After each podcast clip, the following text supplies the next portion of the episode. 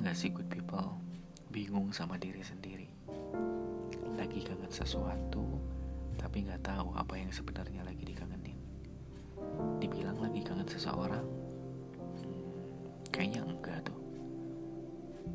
Dan setelah dicari tahu, ternyata kita bukan lagi kangen sama seseorang, tapi kita lagi kangen sama rutinitas yang setiap hari dilakuin sama seseorang itu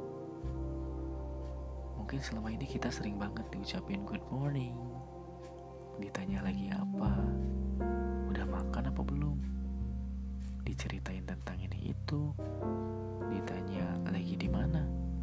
Sama siapa? Kalau malam teleponan ngelantur ke sana kemari ngobrolin hal-hal yang sebenarnya gak penting-penting banget gitu. Bahkan tiap hari sering banget dikabarin sama dia tiba-tiba dia ngilang gitu aja. Gak tahu alasannya apa, gak tahu pergi ke mana, sama siapa. Ujung-ujungnya kita nyalahin diri sendiri, dan kita mulai ngerasa kehilangan. Iya, kehilangan seseorang.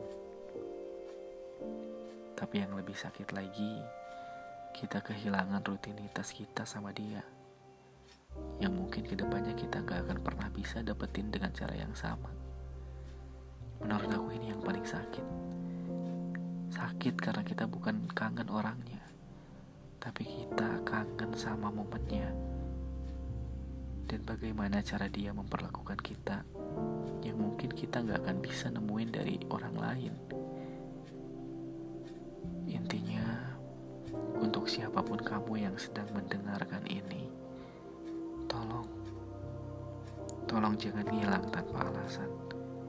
Sekalipun alasan itu pahit, bicarakan.